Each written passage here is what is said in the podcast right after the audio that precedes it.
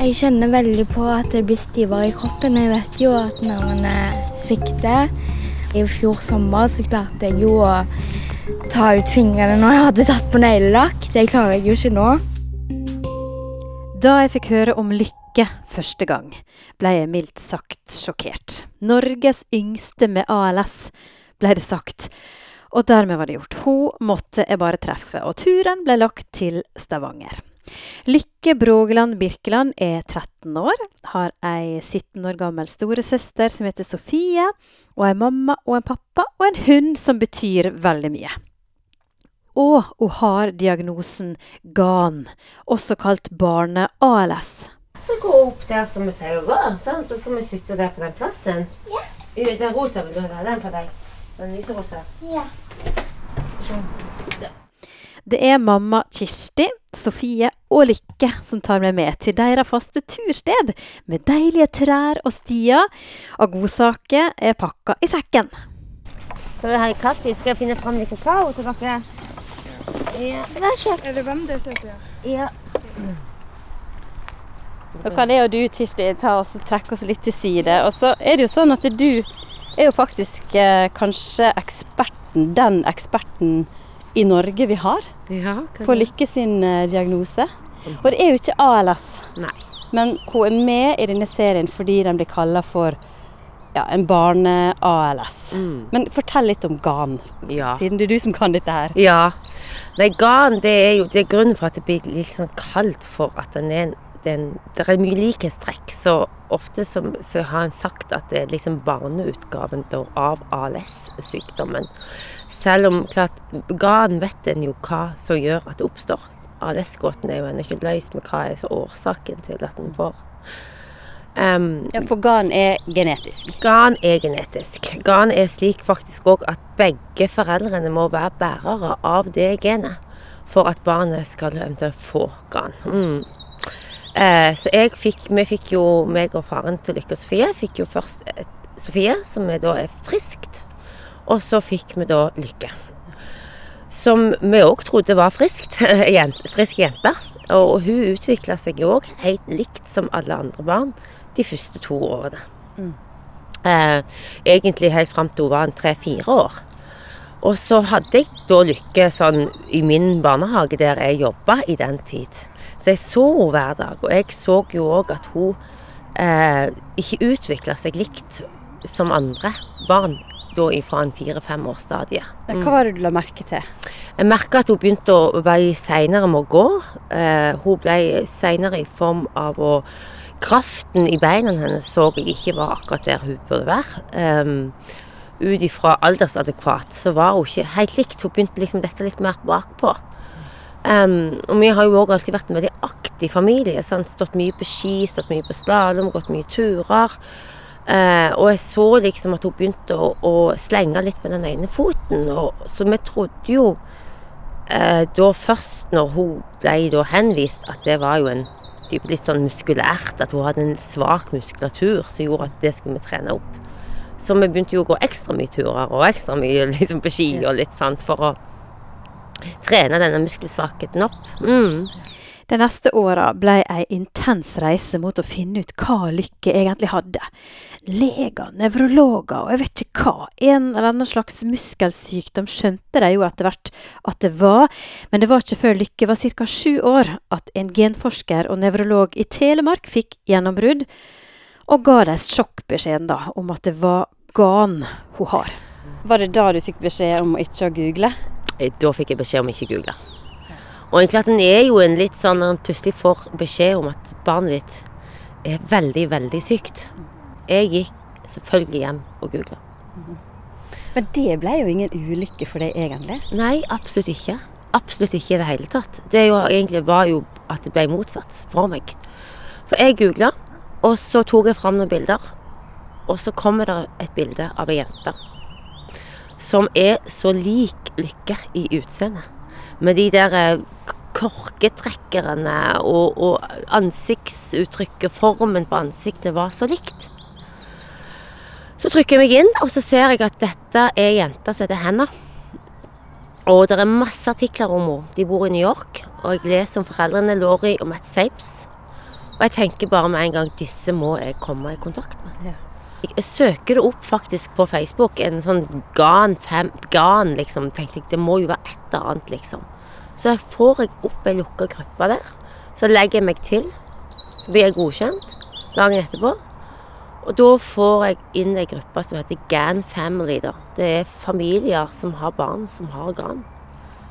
Lykke hun blir da diagnosert som nummer 44 i verden med denne sykdommen. Og nummer 1 i Norge. Og jeg får kontakt med Lori og Matt Sames via den Facebook-gruppa der. Gir meg egentlig ganske sånn tydelig med en gang der er håp, Kirsti. Ring meg. Der er håp. Mm. Er det sant? Hva Ja. gjør det med mor? Nei, det gjorde jo Det var jo veldig sterkt. Det var jo litt sånn Jeg eh, jeg, klart, det, jeg, For å si det sånn, jeg gikk vel litt sånn i en litt sånn transe et par dager. Litt sånn i meg egen boble. Og så tenkte jeg her skal det handles. Det, nå skal vi gjøre noe. Mm. Så meg og far vi satte oss ned og egentlig søvnfarte alt som av kompetanse. Kompetansesenteret her i Norge. Vi saumfarte kompetansesentre i Europa, i verden. Vi var, ja. Og vi har jo vært egentlig veldig på disse legene her i Norge òg fra den dag at en må se ut av Norge. En må rette blikket utover. Mm. For kompetansen er jo i USA. Så da var jeg veldig tydelig med en gang at der skal jeg. De dro til USA, fikk møte henne og familien der i New York, og siden så har de også blitt introdusert for og registrert i et forskningsprosjekt i USA, og de har også fått møte flere familier med GAN-barn. Planen nå er en ny tur til USA så snart muligheten byr seg. Men Lykke, det er på tide å få møte denne skjønne jenta med den sjeldne sykdommen. De andre i turfølget har tatt seg en liten runde, og vi to får oss en god prat. Her på stien da med sine røtter og steiner, så er ikke så lett å gå, og dermed så er rullestolen ei god hjelp. Ja, det er greit å ha stolen når det er litt sånn humper og sånn. Men eh, jeg syns det er veldig deilig å gå på gress og sånn, fordi der er det mykere. Ja. Ja. Men nå har jo jeg eh, hørt fra mammaen din at du er veldig, veldig glad i å være ute og være i naturen. Hva andre ting er det du Eller hva liker du egentlig, da? Jeg liker veldig godt å være i vann og svømme. For, der, eh, for der klarer jeg å gjøre mye mer enn ting enn oppå vann. Eller ja, og Og jeg liker veldig godt å tegne og holde på med sånn hobbyting. Eksempel male. Ja. Nå skal jo vi være helt ærlige om hvordan du har det. Og du har en kjempesjelden sykdom. GAN. Ja. Ingen andre i landet. Du er jo helt unik. Hva tanker gjør du deg om det? Jeg syns det er veldig rart å tenke på at ingen andre kan om denne sykdommen i Norge. At jeg må reise til USA for å liksom Ja, gå til min, på en måte min familie, der de vet om min sykdom. Jeg f føler meg Jeg føler meg liksom ikke alene, men jeg er jo alene mot denne sykdommen, men jeg har jo mange rundt meg. Så jeg syns det er rart, men på en måte litt fint òg å tenke på at jeg har noen som kan hjelpe meg. At jeg ikke er helt alene om det. Men klarer du å sette ord på For oss som ikke kjenner på det samme som du kjenner på, når ting skjer med kroppen, greier du å forklare hva det er som, som skjer? Jeg kjenner veldig på at det blir stivere i kroppen. Jeg vet jo at nervene svikter. Og fingrene på en måte I fjor sommer så klarte jeg jo å ta ut fingrene når jeg hadde tatt på neglelakk. Det klarer jeg jo ikke nå. Så jeg kjenner veldig på det. Og så kjenner jeg på at eh, føttene går mer og mer ja, nærmere, som jeg har sagt, at jeg ikke klarer å springe så mye som jeg gjorde før. Men Hva føler du om de tingene? Jeg føler at det er dumt. Jeg er, jeg er veldig ofte lei meg. Ja, jeg føler det er dumt. Jeg er lei meg for det. Men er det sånn at du er mest lei deg, eller uttrykker at du er lei deg når du er alene, eller føler du at du kan vise det for andre òg? Jeg jeg klarer å vise at jeg er lei meg. Spør de andre hvordan du har det, og så sier jeg at jeg er litt lei meg pga. denne sykdommen, sier jeg da. Så sier de ja det, ja, det skjønner vi, og så går jeg ut med lærere og sånn. Men i stedet, når jeg kom på besøk til dere, så spurte jeg deg om, eh, om hvordan dagen din var, og så sa du bra. Men det betyr jo at du har, du har gode dager òg? Ja, jeg har gode dager òg. Eh, jeg liker jo å være med folk. Det er det som er med, gjør meg glad. Så jeg, eh, jeg liker meg faktisk ikke så godt alene. Da, da, da kommer følelsene veldig mye mer fram når jeg er alene. Men har har, du, eh, har- du mange å være med, da? Ja, jeg har noen å være med. Jeg har Elise, som er min beste venn, som jeg er nesten med hver dag. Som jeg, jeg liker veldig godt å være med. På skolen så har jeg noen jenter jeg er med. Jeg er mest med guttene. Fordi guttene ser meg mye mer enn jentene. Har, jeg har jo vært med de siden første, men de ser meg mye bedre med rullestolen og med sykdommen og sånn. Jentene er litt mer kompliserte. Ja. Ofte sånn. Um, det som jeg la merke til med en gang jeg så deg, det er det fantastiske krøllete håret ditt. Tusen takk. Det er helt spesielt. Bitte små, søte korketrekkere. Og Ja. mamma, mammaen din sa jo til meg at eh, når du ble født, så skjønte jeg egentlig ikke hvor det kom ifra. Eh, men så møtte dere flere i verden. Jeg har hørt om flere i verden som har samme sykdom som du. Og så ser jeg, her er det jo det samme håret. Ja. Hvordan var det for deg å se at det her er flere som meg? Det var, det var så kjekt. Jeg, eh, jeg, jeg var helt, helt sjokka over at eh, det er flere som er, er liksom sånn på en må eh, Familien min som har sånn krøllete hår som meg, så jeg ble kjempeglad. Ja, Du kaller det for familien din. Ja, på en måte. Gan-familien. Gan-familien, ja. Vi skal høre mer fra Lykke, og hun forteller da bl.a. om sine framtidsdrømmer, og også, dessverre, om mobbinga som hun har opplevd. Men først, møt en av Norges fremste på stamcelleforskning, som sanker inn og jobber med ALS-pasienter sine nerveceller. Hei, jeg heter Joel Glover. Jeg er professor ved Universitetet i Oslo og leder for Nasjonalt senter for stamcelleforskning. Jeg forsker innenfor nevrovitenskap, og særlig innenfor nevrologiske sykdommer og skader til hjernen og ryggmargen. Joel Glover, du eh, har amerikansk bakgrunn, eh, og så fikk du sansen for hjerneforskning. Og så havner du i Norge fordi det var spennende å trekke mot verdens ytterkant. Eh, og mange år etter så er du da en av Norges fremste forskere på ALS. Da blir det rett og slett masse celleprat. Og så er det snakk om stamceller her. Når du skal nå fortelle om din forskning, kan ikke du forklare først hva er egentlig stamceller? Ja, stamceller er en spesiell type celle som har to egenskaper. Den ene egenskapen er at de kan gjenskape seg selv. Mange celler kan dele seg, men stamceller, når de deler seg, så blir alltid én av de to dattercellene, for å si det sånn, også en stamcelle. Så det er en slags fornyelsesprosess når stamceller deler seg. Det betyr at man kan ta stamceller ut, i, ut av en kropp og inn i en petriskål i laboratoriet og få dem til å dele seg mange mange ganger og skape flere og flere stamceller.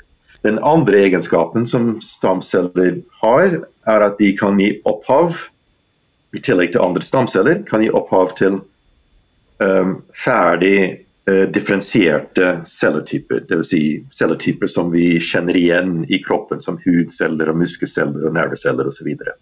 Nettopp. På mange måter så er du en kokk som tryller frem noe helt spesielt i dine kokekar.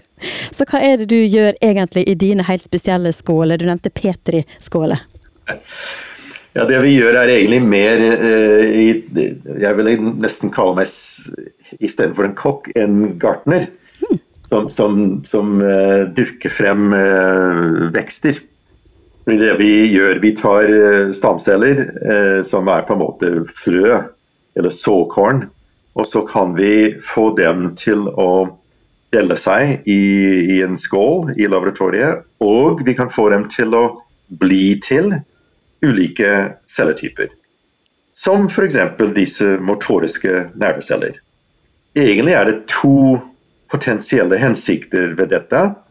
Å kunne lage nye motoriske nerveceller fra ALS-pasienter, slik at man kunne erstatte eh, de motoriske nervecellene som går til grunne. Det er selvfølgelig noe som mange ønsker å gjøre, også mange forskere, men er en veldig veldig vanskelig problemstilling. Eh, en stor utfordring å få det til. Men den andre hensikten ved disse stamcellene er å danne motoriske nerveceller som bærer selve sykdommen, ALS. Og det gjør det mulig å forske på sykdomsmekanismene, det som skjer i disse motoriske nervecellene, i laboratoriet. Så istedenfor å prøve å finne ut hvordan sykdommen fungerer i en pasient, som er veldig vanskelig, så kan vi gjenskape sykdommen i en petriskål i laboratoriet og utforske hvordan sykdommen utvikler seg der. Men ok, du har altså eh, sykdommen i ei skål. Hva gjør du da, på en måte? Kan du teste medisiner og sånn på den? Ja, det er selvfølgelig en, en, eh, et bruksområde. Å teste medisiner er eh, en veldig stor bedrift, fordi det er mange forskjellige medisiner som man kan vurdere. Og dette må gjøres med ganske mange repetisjoner da, for å være sikre på om medisiner har en viss effekt. Mm. Men man må kunne se at de motoriske nervecellene begynner å bli syke og, og holde på å dø.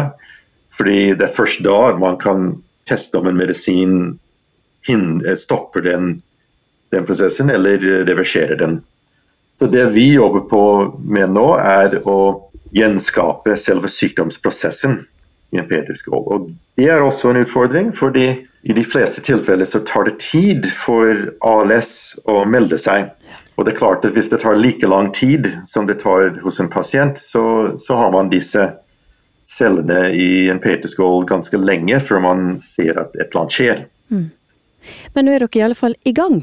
Så hvor nærmere Dere er jo litt nærmere et mål enn dere var da i 2017 når dere starta. Kanskje vi ser litt håpefullt på det? Ja, det er absolutt. absolutt. Og, og det er mange andre rundt omkring i verden som forsker på ALS, og som bruker uh, lignende tilnærminger. Det blir sannsynligvis en felles innsats der vi også gjør vårt uh, bidrag. Tilbake blant kvitrende fugler har jeg og Lykke egentlig en veldig fin stund. Med GAN-diagnosen er det vanligst å leve til man er 18-20 år gammel. Men det er så utrolig fint å snakke med Lykke som lever veldig her og nå, og som også drømmer om hva hun skal bruke framtida til.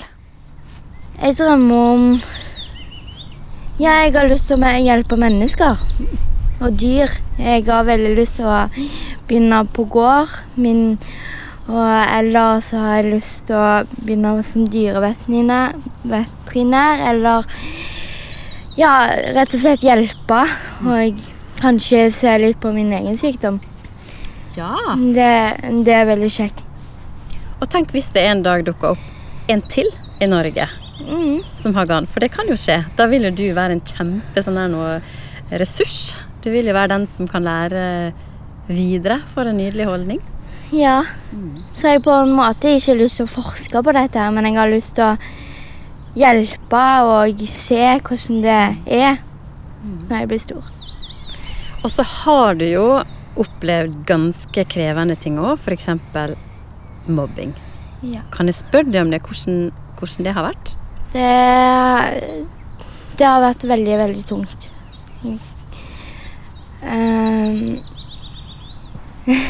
ja. ja. bare veldig tungt, og jeg blir veldig, veldig lei meg. Ja. Mm. Tenker jeg, hvorfor er folk sånn? Mm. Hva er, det, hva er det du får høre, da? Jeg får høre at hvorfor er du sånn? Hvorfor Hvorfor går du og tar i pultene når du går? Hvorfor Hvorfor sitter du i rullestol? Er du lam, liksom? Så sier jeg nei, jeg har bare en sykdom. Og så jeg, vi vil ikke være med deg fordi du går litt seint, og ikke vil etter oss fordi ja, det og det. De går i gjenger og vil ikke være med meg fordi fordi jeg er litt annerledes. Og at, at ja, jeg sitter i rullestol. Jeg kjenner at jeg får lyst til å grine når du forteller de tinga her. Jeg syns det er ordentlig, ordentlig urettferdig. Så hva skal vi si om det? Det er jo ikke lov å banne, men eh, eh, være sint og bare tenke på de gode tingene og tenke at de er, de er ikke noen gode folk. Tenke at man har andre, mange enn andre gode folk rundt seg. Eh, Men du skal jo eh, begynne på en ny ungdomsskole. Ja. Der det virker som at de vil legge veldig sånn til rette for at du kommer. ja, det gleder jeg meg veldig til.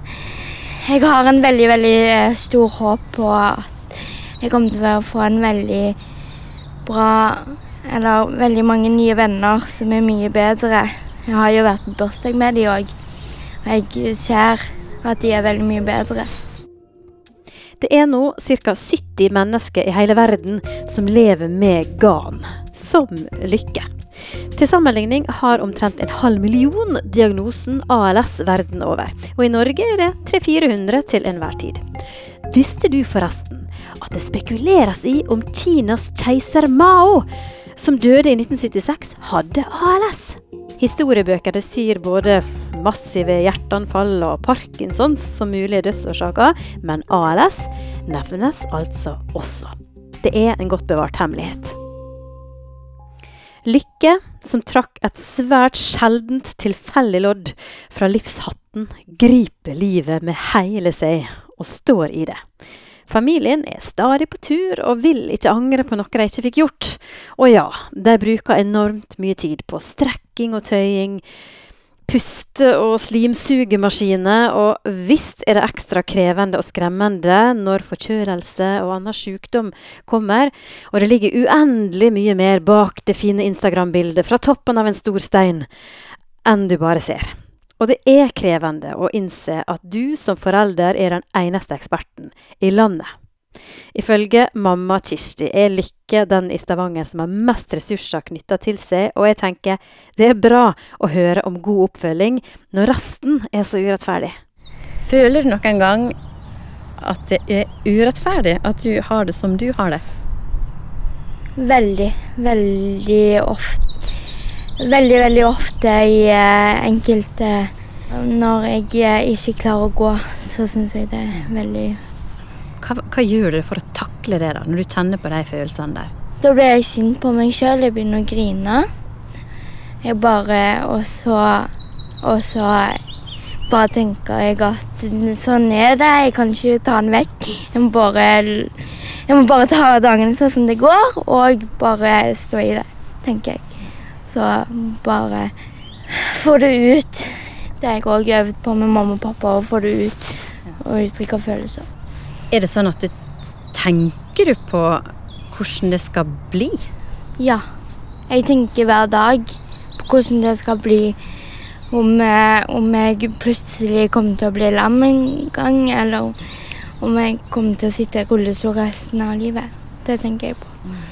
Tusen takk for at du har delt litt av livet ditt eh, med meg. Eh, og som jeg ønsker deg deilige uker, måneder og år fremover. Håper du opplever masse lykke. Tusen takk. Jeg kjenner jeg er så glad for å ha fått møte Lykke, som bare på denne formiddagsturen har lært meg veldig mye om å omfavne livet. Og faktisk så skal mamma Kirsti få avslutte denne episoden med noe av det hun beundrer dattera si for. Jeg ser jo bare på det der som det som Lykke har gitt meg. Lykke har jo enormt mye empati for andre mennesker. Det har Lykke lært meg veldig. Og hun har lært meg veldig det her med å være veldig her og nå, liksom. Og det der med å også lære seg det der, hva er det en egentlig bruker energien på. Er det så viktig? Nei, det er ikke så viktig. Liksom, hva er det som egentlig er viktig? Ja. det knus, mamma? Alle kjeksene knust oppi bakken. Oi, oi, oi. Vil du ha litt bringebær? Se her. Ikke vil du ha bringebær? Denne podkasten er laga for ALS Norge. Stiftelsen ønsker å hjelpe deg som har møtt ALS-trollet. Ta kontakt via alsnorge.no. Stopp ALS er produsert av Sanden Media med støtte fra stiftelsen DAM. Mitt navn er Gunhild Aksnes Kristiansen.